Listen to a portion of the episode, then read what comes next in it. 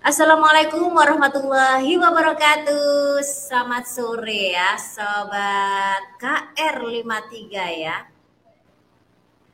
Senang sekali pada sore hari ini Ana bisa kembali menjumpai Anda semuanya dengan uh, apa ya cuaca mendung di kota Jombang. Tapi semoga saja hati kita tetap semangat, tidak mendung ya. ya seperti kawan kita yang ada di belahan sana di daerah lain ya, yang ada di Kota Blitar. Ini ada Mbak Titim ya. Nah, selamat sore Mbak Titim. Assalamualaikum. Sore Mbak Ana. Waalaikumsalam warahmatullahi wabarakatuh. Halo, gimana kabarnya ya, Mbak halo. Titim? Ya, Alhamdulillah baik. Ini baru selesai aktivitas ini tadi. Uh, uh, di sana gimana cuacanya? Kalau di Jombang lagi mendung hujan. ini, Mbak. Tadi hujan deras. deras ya? Pas ini pas jam 4 sudah selesai hujannya. Terang. Tuhan berestui kita untuk ngobrol sore hari ini ya. Amin. ya. Mbak Titim ini uh, bisa dibilang adalah uh, kenapa Mbak Titim yang kita ajak ngobrol karena uh, kita lagi ini ya kemarin 10 Mei kita memperingati World Lupus Day atau Hari Lupus Sedunia. Nah, sebagian di antara kita atau sobat uh, KR yang ada di rumah mungkin belum pernah dengar ya. Uh, apa namanya lupus itu penyakit apa sih? Uh, taunya mungkin lupus ini ya, lupus apa itu namanya film itu ya. Lupus yang suka makan permen karet tuh loh, Mbak. Nah, iya yang suka makan permen karet itu ya. Nah, ada iya. lupus-lupus lain kira-kira apa sih? Nah, ini kita hmm. ngobrol uh, dengan Mbak Titim yang uh, beliaunya ini salah satu penyintas lupus yang ada di Kota Blitar bergabung dengan komunitas apa namanya? Uh, jadi kita punya komunitas kupu cantik. Ya, hmm. jadi uh, teman-teman lupus dan autoimun pada umumnya bergabung di situ. Begitu, Mbak. Namanya apa? Nama ininya? Kupu cantik. Iya. Kenapa disebut kupu? Hmm. Kenapa kok ini ya? Iya. Uh, simbol-simbol lupus ini kupu-kupu. Iya ya kenapa itu mungkin perlu diketahui teman-teman. Jadi uh, sebagian besar tanda-tanda dari lupus itu memang muncul ruam-ruam di sekitar pipi sampai hidung gitu. Jadi menyerupai penampilan menyerupai kupu ya di area uh, pipi dan hidung seperti itu. Dan itu biasanya berwarna uh, pink keunguan seperti itu. Tapi memang tidak semua sih mereka mengalami gejala itu. Hanya mayoritas saja Ruam-ruamnya merah gitu mbak ya? Iya, iya. Merah merah keunguan gitu. Jadi kayak kayak kupu kalau lihat sekilas kayak kupu ya? Iya. Jadi kan ya. dua pipi gitu. Seperti itu. Dua pipi. Iya. Kalau mungkin sedikit sedikit apa ya menjelaskan atau kita pengen tahu nih secara secara awam supaya kita paham penyakit lupus ini penyakit apa sih mbak? Mbak Titim? Uh, lupus ini uh, penyakit kronis ya, itu gangguan autoimun. Gangguan autoimun itu jadi uh, imun yang seharusnya jadi kawan kita itu nggak mengenali tubuhnya sendiri sehingga menyerang imun kita sendiri menyerang tubuh kita sendiri seperti itu. Jadi kalau uh, kalau anak baca-baca di internet ya, kalau uh, sistem kekebalan tubuh manusia harusnya melindungi dari kuman dan nah. bakteri. Tapi ya, ini tapi justru sebaliknya gitu ya. Iya, menyerang diri sendiri. Uh, uh. Itu. Jadi ruwet sih memang. Jadi imun ini ya. Mungkin sistem ya imunnya jadi apa? Berproduksi lebih banyak dari seharusnya. Begitukah? Iya, ya kurang lebih seperti itu, Mbak. itu gambaran globalnya ya. Uh, dan kenapa sih kita perlu mengenal lupus? Uh, lupus kalau nggak salah ini kan di dunia sendiri sudah ada sekitar 5 juta lebih ya uh, orang yang terinfeksi penyakit lupus. Nah, oleh sebab itu kita perlu tahu, perlu mengenali supaya kita lebih aware ya, uh, supaya kita tahu nih kalau misalnya uh, gejalanya seperti apa. Kalau Mbak Titim sendiri uh, kapan mulai tahu tentang penyakit lupus ini? Sejak 2013 ya. Di 2013 itu uh, sering mengalami kelelahan. Jadi kelelahan kadang kita nggak aktivitas banyak pun juga merasa lelah apalagi kalau habis terpapar sinar matahari panas ya. Itu nah, jadi itu ya yang dirasakan yang kerasa gitu. Terus demam. Kadang demam tanpa sebab seperti itu. Makanya kan kadang uh, orang ngira itu biasanya karena kena tipes atau malah kena DB seperti itu ya. Hampir mirip-mirip ya gejalanya. Iya, iya, iya. Karena itu kenapa ini disebut penyakit seribu wajah. Jadi hmm. menyerupai penyakit lain dan uh, deteksinya pun juga tidak mudah. Gitu. Jadi banyak harus rangkaian pemeriksaan yang harus dijalani. Dan itu pun tidak tiap kota ada. Seperti itu, Mbak. Kalau, Dan kalau, uh, supaya kalau, ya gimana? Tahu gitu, tahu kalau uh, misalnya seseorang terinfeksi atau enggak itu apa yang harus dilakukan Mbak Titin? Periksa ke dokter. Periksa ke dokter. Gitu. Jadi ya karena uh, dan karena itu hanya di, bisa diketahui oleh tenaga medis yang yang uh, memahami karena nggak semua tenaga medis ini memahami kondisi ini. Kenapa? Karena memang uh, seperti yang aku bilang tadi kan ini di, bisa disebut penyakit seribu aja. Jadi bisa dikira tipes, bisa dikira DB, atau mungkin bisa dikira uh, gagal ginjal aja, nah seperti itu. Tapi ternyata tuh lupus. Gitu. Jadi memang harus uh, ada rangkaian tes yang harus dijalani untuk bisa tegak diagnosa itu lupus kalau Mbak Titin sendiri uh, mulai mengetahui uh, terkena lupus itu tahun berapa Mbak? 2013. 2013. Hmm. Jadi, nah, uh, apa namanya? Apa yang kemudian Mbak Titi lakukan selain shock mungkin ya atau kaget kok kok ada penyakit apa gitu ya? Apa yang yang Mbak Mbak Titi melakukan pada saat itu? Iya, karena kan nggak bisa langsung diketahui kan kalau itu lupus ya. Jadi uh, hanya memeriksakan kondisi yang dialami kalau nggak seperti biasanya seperti itu ya kesadaran untuk kesehatan diri sendiri itu penting jadi ya kita periksakan itu terus uh, pas ketemu dokter yang jeli jeli dan memahami kondisi itu terus dirujuk tes segala macam. Itu.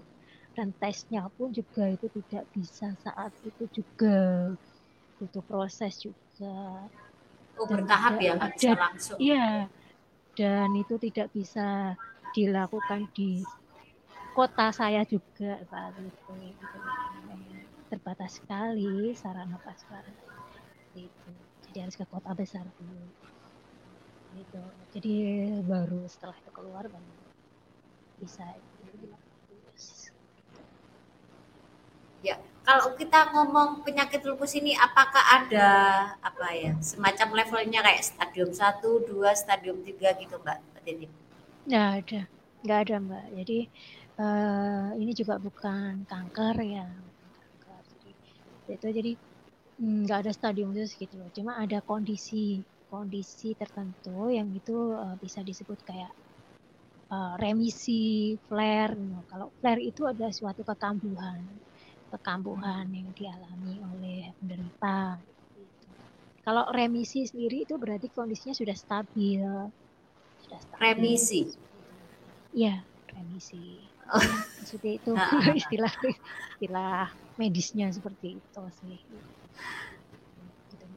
Uh, untuk uh, apa namanya uh, secara medis sendiri apa yang perlu dilakukan untuk pengobatannya? Untuk Mbak Titi agar tetap tetap apa ya bisa disembuhkan atau enggak ini Mbak penyakit ini? Atau hanya jadi ini kalau ini nggak bisa sembuh total sih gitu. Jadi uh, nanti ada masanya uh, ada pemicu pemicu kekambuhan ada gitu mungkin ada masanya itu stabil ya stabil. Jadi seperti tanpa gejala bisa beraktivitas seperti biasa gitu. Kayak saya gitu ini masih bisa wirawiri dan seperti itu. Walaupun juga uh, ada keterbatasan gitu.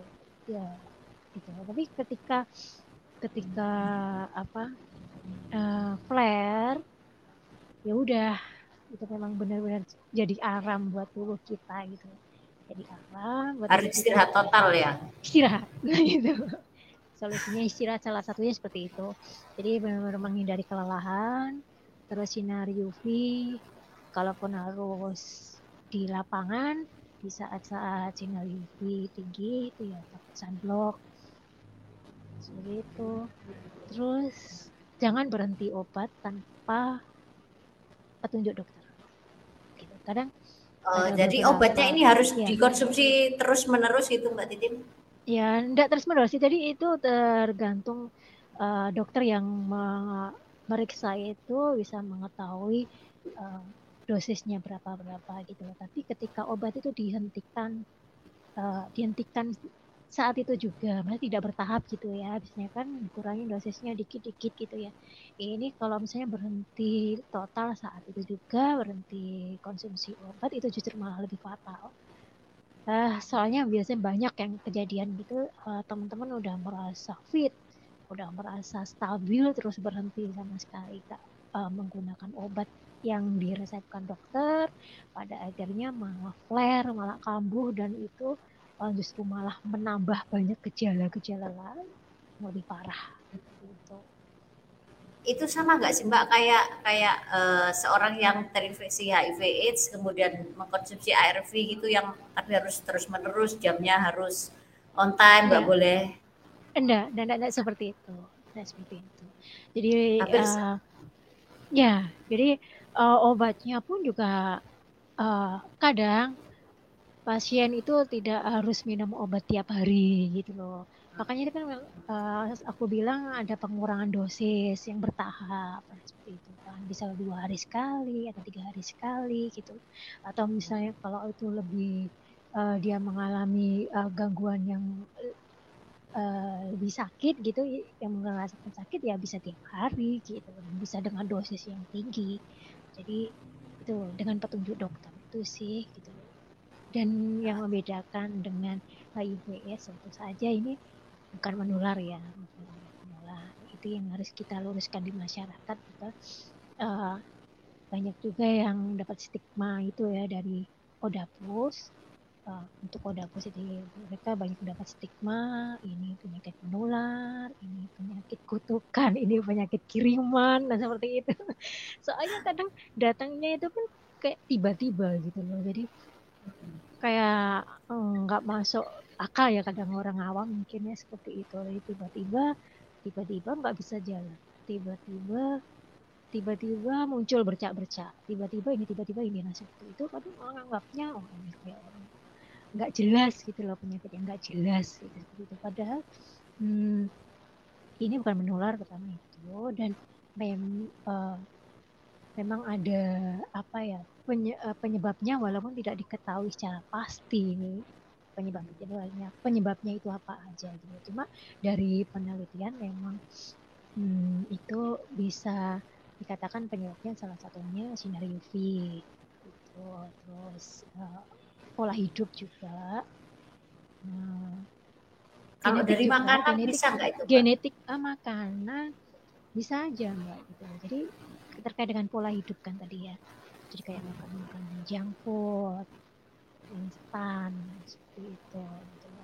ada juga paparan zat kimia itu. Kadang juga ada efek obat juga yang menyebabkan zat-zat kimia apa? Obat yang ya. obat kimia itu ada obat-obat tertentu ada obat-obat tertentu yang menyebabkan dia mengalami kondisi autoimun. Itu itu hmm, penyebab sampingnya gitu ya Iya, iya, ada obat-obat tertentu. Iya. kalau ini Mbak, kalau HIV AIDS kan uh, masih bisa menular dengan beberapa cairan misalnya. Tapi kalau yeah. lupus ini nggak ada ya Mbak? Maksudnya orang-orang yang hidup dengan uh, teman-teman yang mengidap lupus hmm. ini aman, tidak akan bisa tertular. Aman, aman gitu loh, aman gitu. Ini merupakan penyakit tidak menular gitu. Karena uh, ini nanti kan yang diserang kalau untuk lupus sendiri ya, kan organ tubuhnya punya ke mana itu imun itu menyerang terserah dia. Jadi kalau mau ke darah gitu jadi gangguannya lebih ke darah atau mau ke ginjal bisa jadi gagal ginjal. Bisa ke jantung banyak lah ke saraf itu ada juga. Jadi, uh, ya tapi maksudnya orang-orang di sekitar bisa berinteraksi dengan uh, aman gitu ya. Bisa aman gitu ya. Dan uh, penyandang lupus pun masih tetap bisa beraktivitas seperti biasa selama kondisinya memungkinkan gitu. Kita masih bisa bekerja. Ya. Ini Mbak Titim ini kan uh, aktif dengan banyak kegiatan ya dan juga bergabung dengan Sapuan ya, apa namanya? Ya. Sahabat, Sahabat perempuan dan anak ya konsen pada isu-isu perempuan dan anak gitu ya. Pastinya ya. kegiatannya full gitu ya. Nah, apa yang uh, membuat Mbak Titim tetap semangat walaupun mengidap penyakit ini tapi masih bisa melaksanakan aktivitas-aktivitas semua itu? Semuanya dari diri sendiri sih Mbak.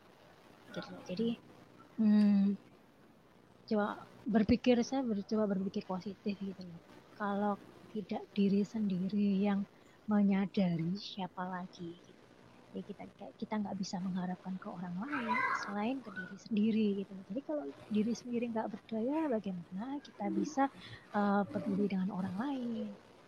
Dengan keluarga juga terutama seperti itu jadi uh, aku lebih ke kesadaran terhadap diri sendiri sih.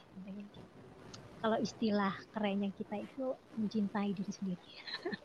Ya kan? Seperti itu. Jadi uh, uh, apa yang bisa bikin tetap survive? Ya itu bagi saya saya punya anugerah ini justru bagi saya ini anugerah ya. Karena ini adalah uh, pilihan.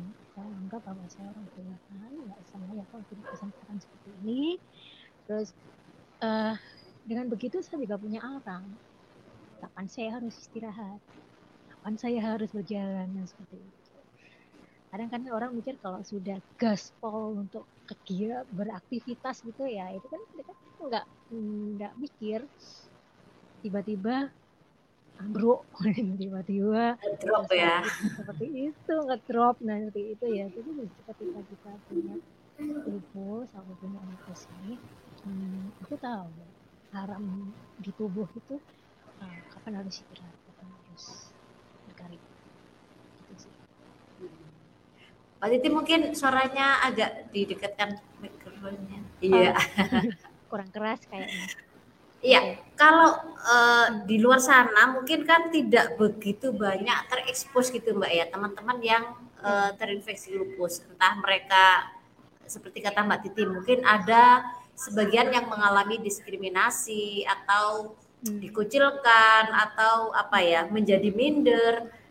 Nah, kira-kira apa sih yang uh, saran dari Mbak Titim untuk teman-teman di sana supaya tetap semangat supaya apa ya lupus tidak menjadi halangan untuk tetap menjadi berbuat baik dan berbuat untuk orang lain. Ya. Jadi sebenarnya sabar aja nggak cukup mbak, nggak cukup sabar kok gitu loh. Jadi memang dibutuhkan dibutuhkan support system, support system terutama keluarga ya itu yang utama. Keluarga. Itu yang utama. Jadi ketika ketika seseorang gitu terus didiagnosa lupus itu, uh, itu memang nggak bisa sendiri. Nggak bisa sendiri. Jadi butuh kerjasama dengan keluarga seperti itu gitu. padahal faktanya faktanya itu kalau di masyarakat banyak juga justru malah keluarga yang malah ndak ndak peduli gitu loh. Jangan kan nggak peduli malah kadang menganggap ini suatu hal yang buruk gitu loh. seperti itu. Jadi merepotkan sebagainya itu yang harus disadari. Disadari oleh banyak keluarga di masyarakat gitu. Ketika anggota keluarganya didiagnosa lupus seperti itu. Bukan hanya apa ya menyita waktu tenaga pikiran bahkan material seperti itu. Walaupun ini juga di cover BPJS ya. Cover BPJS hanya memang tidak semua tidak semua obat dan pemeriksaan itu masuk dalam jangkauan BPJS mungkin itu yang jadi kendala dan jadi PR bersama. Mbak. Kalau sejauh ini Mbak yang ingin uh, kita tahu bagaimana sih uh, peran dari pemerintah sendiri terhadap eh, teman-teman uh, yang terinfeksi lupus? Apakah ada penanganan khusus atau misalnya ada obat gratis atau pelayanan yang lainnya? Ya, uh, obat selama ini yang saya dapat itu memang di cover BPJS ya, itu hanya ketika pasien membutuhkan obat tertentu itu yang memang itu harus dikonsumsi gitu dan itu tidak di cover ya nggak mau harus mandiri. Itu jadi karena memang tidak tidak total semuanya itu di cover seperti itu. Kalau dari pihak medis sendiri pernah nggak mbak Titim? Atau mungkin teman-teman dari uh, apa tadi komunitas kupu cantik hmm. ya hmm. pernah nggak mengalami uh, diskriminasi tindakan dari uh, para medis gitu? Kalau selama ini yang sudah berjalan sih nggak pernah mbak. Jadi pelayanan mereka baik. Hanya saja mungkin akses akses obat, akses pemeriksaan kayak tes tes laboratorium dan seperti itu kan memang terbatas. Gitu. Jadi, Jadi tes tes kadang, awal untuk mengetahui lupus itu dilakukan mandiri ya mbak? Enggak, enggak ada. Ada beberapa yang memang di cover BPJS. Tapi memang enggak semuanya. Dan itu tidak uh, tidak terakses di kota kecil seperti itu. Jadi uh, kita harus ke kota yang lebih besar nah seperti itu. Nah, bagi orang yang tidak mampu uh, kendala transportasi itu kan juga harus dipertimbangkan ya karena transportasi nggak ditanggung BPJS. bingung nanti rebesnya ya itu. Makanya kan uh, tidak semua kota itu bisa mengakses.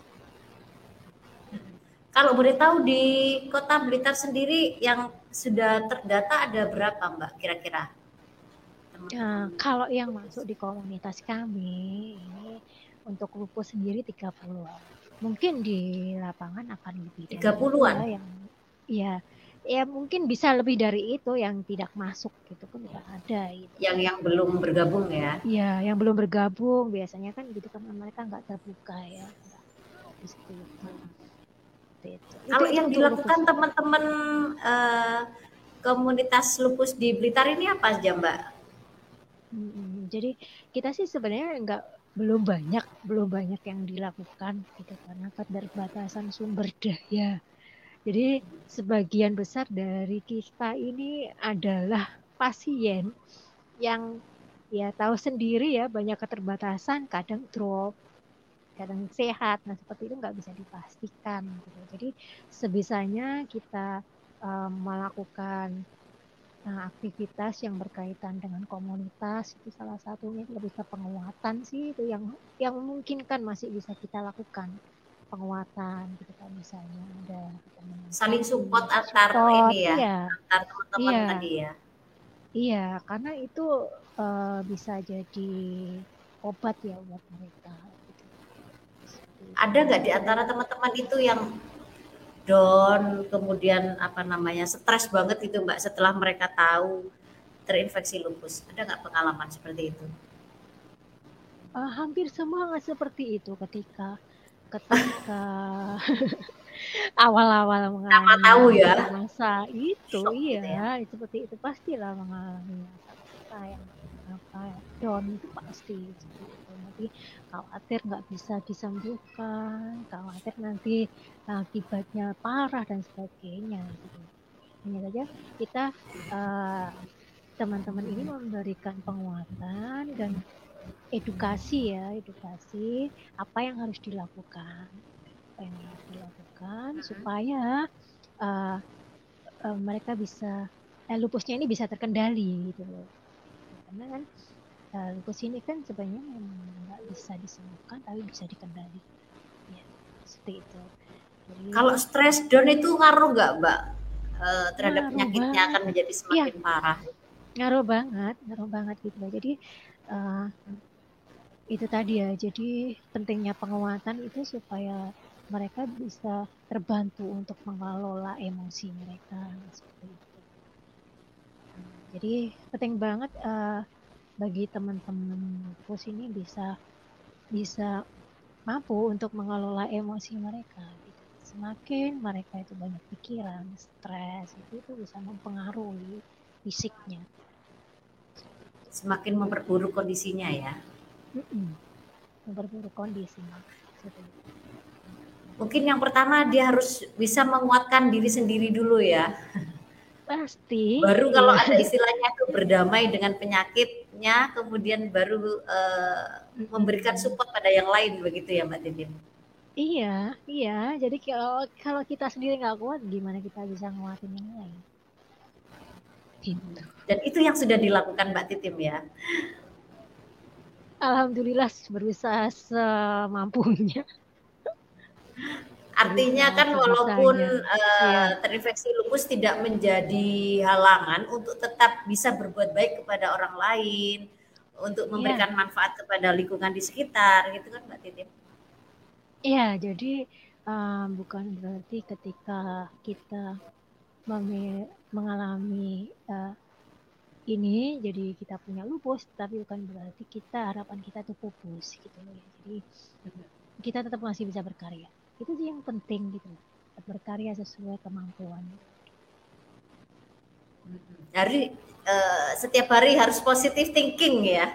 Bangun tidur harus positif thinking ya supaya kondisi akan uh, membaik. Itu jadi itu itulah kenapa saya beruntung ketika di mulai kondisi ini. Saya lebih aware dengan diri saya sendiri. Seperti itu. Kadang uh, orang yang nggak mengalami uh, hal yang seperti ini uh, bisa jadi luput ya luput gitu. jadi melupakan untuk bisa positif thinking jadi dengan hmm. begini alhamdulillah saya lebih merasa merasa lebih baik sih terlibat. Iya. Apa namanya yang ingin ini, Mbak? Uh, apa namanya? Tadi ingat sekarang brand. ini uh, penyakit lupus ini sebenarnya bisa sembuh total atau enggak, Mbak? Hmm, kalau kata dokter enggak, enggak. Jadi uh, ada kala nanti dia akan stabil seperti sehat orang pada umumnya ya. Tapi ada kalanya nanti ketika dia uh, apa dipicu dengan hal-hal tadi saya sebutkan gitu ya. Mungkin bisa stres atau mungkin bisa paparan UV, uh, pola hidup yang tidak sehat. Seperti itu itu bisa jadi kekambuhan. Kambuh lagi. Istilahnya flare Uh, jadi kalau jadi tidak bisa mbak ya, yang bisa harus uh, iya. survive tiap hari ya. supaya tidak semakin parah ya. Ya, iya. Dan jangan lupa ikut apa kata dokter. Itu sih yang penting gitu ya. Sekarang kita merasa sehat, sudah merasa fit, dianggap sembuh dan akhirnya ah, sudah nggak nggak mau ke dokter, jadi uh, obat dihentikan mendadak seperti itu atau malah ini kadang fenomenanya itu uh, teman-teman banyak juga yang berobat alternatif, berobat herbal tanpa konsultasi dengan dokter. Padahal kondisi autoimun ini uh, berbeda loh ya, bukan bukan semacam kanker atau apa gitu yang apa ya membutuhkan perhatian khusus, jadi kayak pemakaian herbal ini benar-benar harus dikonsultasikan dengan dokter. Jangan-jangan atau salah-salah nanti malah mereka akan drop. Iya. Jadi memang lebih dekat lagi mbak suaranya pelan Iya. gitu tiba-tiba. Jadi itu tadi ya. Jadi benar-benar harus konsultasi sama dokter. Jangan sampai mereka menggunakan pengobatan alternatif atau herbal semau sendiri gitu loh. Jadi benar harus dikonsultasikan.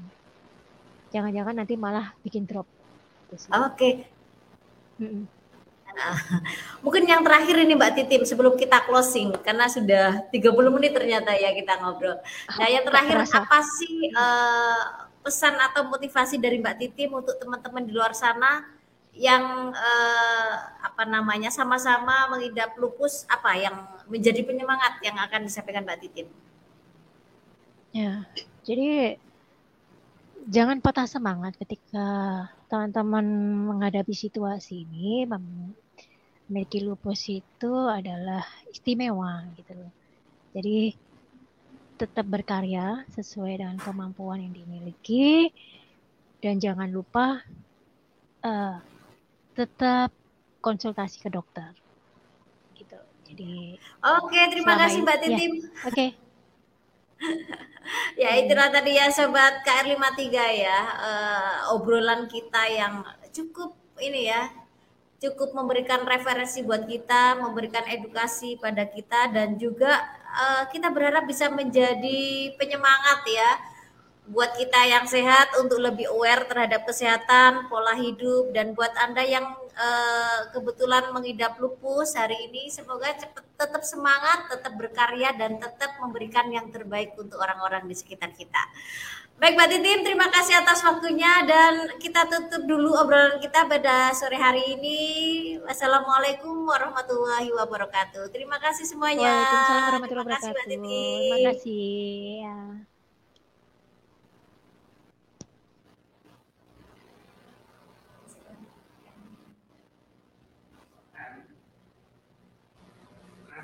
Ya.